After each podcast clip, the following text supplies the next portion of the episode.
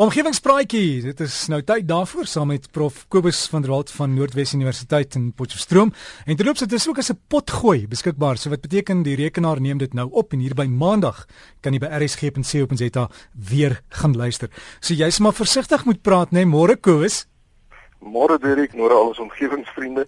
Ja nee, ou moet maar jou woorde tel hier, hier oor die radio. Mens kan vinnig in die moeilikheid kom. Maar Derek, ja, um, ek kry nog nou wil jy sê van die pot gooi. Ek kry nog gereeld 'n navraag van, van van ons omgewingsvriende wat wil weet of hierdie praatjies nou nie beskikbaar is iewers nie en of dit dalk al in 'n boek uitgegee is en so.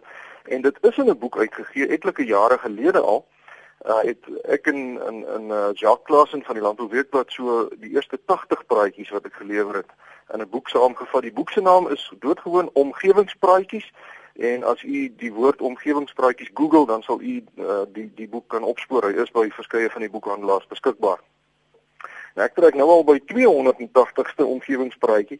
So dis seker tyd alweer vir 'n nuwe boek, maar dis nogal 'n groot werk. So ek weet nie of ek sommer vinnig weer my kop in daai bynes gaan indruk nie. Maar goed, dan uh, net eers 'n omgewingsbrokkie Derek Louis Creer van die Casa Dayo uh, netwerk het my laat weet uh, van die Magalies Development Initiative. Nou dis 'n projek waar die gemeenskap uh, ingespan word om die hele Magaliesberg bewaargebied 'n bietjie op te vrolik en bietjie meer omgewingsvriendelik en meer natuurlik te maak. En hulle die uh, volgende naweek, die naweek van die 28ste en 29ste November, het hulle 'n projek wat hulle vir Magaliesberg en omstreke 'n nuwe omgewingsbaadjie wil aantrek.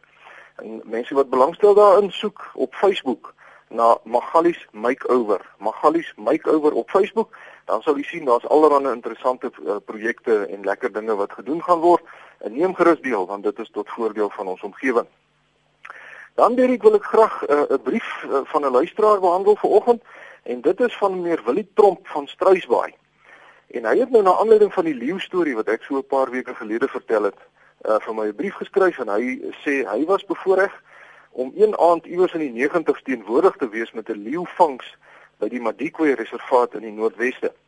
Meneer Pieter Leitner was destyds die parkhoof en hy en sy manne het bloedmonsters geneem vir DNA toetse die aand. En meneer Tromp sê iets wat min mense weet is dat 'n leeumannetjie en miskien 'n wyfie ook, hy weet nou nie, 'n naal op die punt van sy stert het. Pieter het hulle die aand die naal gewys en hulle ook laat voel daaraan en uh, dit voel hard net soos 'n naal aan een van die leeu se tone. Meneer Tromp sê hy het ongelukkig nagelaat om vir die parkhoof te vra wat die nut van daardie naal is. En hy eindig sy brief deur te sê dat as hy die storie oorvertel, is sy toehoorders duidelik twyfelagtig en dink hy dalk iets gerook soos hy dit stel. Hy sê hulle het die aand nou wel 'n paar biere gedrink, maar dit was eers na afloop van die leeuvangs. En nou vra hy my om hom asseblief te help om sy geloofwaardigheid terug te wen. Baie dankie meneer Willie Tromp van Struisbaai vir die oulike brief en ek help u graag om u geloofwaardigheid terug te wen want dit is wel so dat die swart plossie hare aan die punt van leeu se sterte 'n harde klouagtige been verberg. Hierdie been is die resultaat van die laaste 5 beentjies in 'n leeu se stert wat aan mekaar vasgroei om iets te vorm wat soos 'n naal lyk en voel.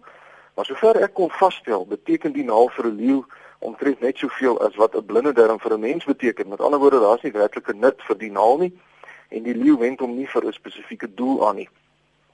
Maar terwyl ons van leeu's praat, ek weet nie wie van ons omgewingsvriende was al regtig baie naby aan 'n leeu nie. Want dit is 'n onsagwekkende en bloedstollende ervaring. Ek was al letterlik 'n enkele meter van 'n volwasse leeuwyfie af wat plat op haar maag gereed om te spring, my met platgetrekte ore en 'n kospelende stert aangeglier het met daardie dodelike goue oë en die allerverskriklikste gromgeluid wat diep uit haar keel teen my lyf vasgeslaan het. Ek het onverwags op haar afgekom en ek sal nooit daardie yskoue skrikgevoel vergeet wat ek gekry het nie. En daardie twee genadeloose skitterende goue oë was ek bloot maar net 'n magtelose prooi en elke haartjie op my lyf het regop gaan staan. En op daardie oomblik weet mens dat jy in jou maai in is as daai leeu jou beet kry. En nie eers die feit dat hierdie ervaring wat ek nou met u deel op 'n leeuplaas gebeur het en daar gelukkig dik tralies tussen my en daardie leeuwyfie was, het my skrik kleiner gemaak nie. Ek het tree deur die lug getrek soos ek gespring het. En ek kry nou nog koue rillings as ek aan daai twee oë dink. Nou 'n leeu is die tweede grootste karnivoor in die natuur na die Bengaalse tier. 'n Gemiddelde leeumannetjie weeg omtrent 210 kg Met ander woorde, hy is so swaar soos twee redelike groot mans en hy staan omtrent 'n meter hoog by sy skouer. Die grootste leeu op rekord wat ooit in die natuur voorgekom het, is by Hector Spruit geskiet in 1936 en hierdie leeu het 313 kg geweg. En in 'n dieretuin in Essex in Engeland was daar 'n leeumannetjie met die naam Simba wat 'n allemintige 375 kg geweg het en 111 cm hoog by sy skouer gestaan het. Nou dit is gewoon wonder dat 'n mens instinktief bang is vir 'n leeu nie, want hy het vyf skerp kante. Eerstens sy mond en waar 'n gemiddelde mens 'n bytkrag van omtrent 55 kg kan uitoefen as jy nou iets byt, kan 'n leeu 'n bytkrag van meer as 6 keer so groot uitoefen. En boonop het 'n leeu se tong die tekstuur van 'n rasper sodat hy letterlik vleis van bene kan aflek. Sy ander vier skerp kante is natuurlik sy vier pote. En 'n leeu het vier naels aan sy agterpote en vyf naels aan sy voorpote. Nou interessant, die vyfde naal aan die voorpoot sit bietjie hoër op teen die been van die leeu en dit is sodat leeu's hierdie vyfde naal baie keer gebruik as 'n tandestokkie om stukkies vleis en senings wat nou tussen hulle tande vassit te verwyder. Nou leeu se naels is baie sterk en kan teruggetrek word as hy hulle nie nodig het nie. En die naels is tipies amper 4 cm lank. So as hy 'n prooi met daai naels beet kry, dan is dit verby. En as 'n leeu se naal breek of die naels verweer, dan groei hy maar net elke keer weer vir 'n nuwe naal. En nog 'n interessante ding van 'n leeu is sy brul. Ehm um, want net sommige van die katspesies kan brul. Uh, jy sal nou weet, hierdie huiskatte kan nie brul nie. Miskien gelukkig ook maar so. Maar die verskil lê daarin dat 'n leeu 'n dubbele tipe tongbeen in sy keel het wat ontsaglike klanke kan produseer. As 'n leeu brul, dan is die klank omtrent 115 desibel hard en 'n mens hoor daardie brul tot 8 km ver. En dis nie net mannetjies wat brul nie, maar wyfies ook. Nou om 115 desibel in perspektief te plaas, dis omtrent so hard as wat die klank by 'n openlig rockkonsert is as jy reg voor die luidsprekers gaan sit. So ek dink almal sal vanoggend besef dat 'n leeu regtig nie 'n kat is wat sonder handskoene aangepak kan word nie. Maar dit is eintlik nog niks nie, want leeu het al in die natuur met tiere gepaar. En die resultaat word 'n liger genoem. En dit is natuurlik 'n vermenging van die twee name tiger en lion, 'n liger. Nou so 'n liger is die produk van spesifieke leeumannetjie en 'n Bengaalse tierwyfie. Die kruisdeling veroorsaak dat die spesifieke geen wat nou keer dat meganismes aanhou groei wanneer wanneer hulle nou volwasse word, nie meer werk nie. Sodat 'n liger eenvoudig aanhou groei en hulle word verstommend groot. 'n Tipiese liger mannetjie is meer as 3.5 meter lank en hy weeg meer as 500 kg. In die ou taal is dit 1100 pond. Wat 'n magnifieke dier. Maar so 'n kruising is gelukkig baie skaars in die natuur En daar is nou nog mense wat hierdie kruisdeling um, in in in gevangenskap doen want dit word eintlik heeltemal afgekeur deur die omgewingsgemeenskap want dit is nie 'n natuurlike ding nie. Um interessant soos 'n muil is die liger mannetjies steriel maar die wyfies kan wel voortplant. So dit is wel 'n organisme wat in die natuur sal kan voortplant. Maar nou ja, terug na gewone leeu's toe. En ook hier is die hartseer werklikheid dat leeu's redelik onlangs 'n bedreigde spesies geword het.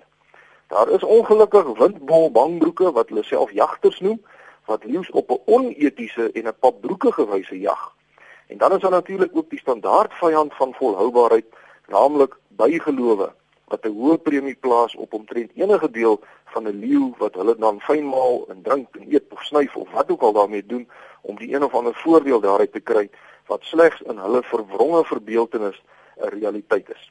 Na mate die renosters en die olifante minder word, gaan die aanslag op leeu's net nog verder toeneem in in, in intensiteit en dit sal 'n jammer dag wees as sulke merkwaardige diere soos leeu's en olifante en renosters nie meer op aarde voorkom nie. Ek sien juis Derek vroeër die week was daar 'n berig dat daar twee gestroopte renosters nou in Etosha in Namibië gekry is. So lyk my dit begin daar ook nou. Omgewingsvriende, daarmee sluit ek af. Skryf gerus vir my by kobus.vanderwalt by nwu.ac.za of by die fakulteit Natuurwetenskappe, Noordwes Universiteit, Potchefstroom 2520. Vriendelike groete tot 'n volgende keer. So gesels ons dan met Kobus Punt van der Walt by nwu.ac.za. Ek gee nou sy e-posadres, maar dis Kobus van der Walt. Hy's professor by Noordwes Universiteit. Kan hom daarop spoor of as jy vir hom miskien navraag het of inligting, stuur dit vir hom by Kobus met 'n K. van der Walt aan mekaar. Kobus Punt van der Walt by nwu.ac.za. 0.za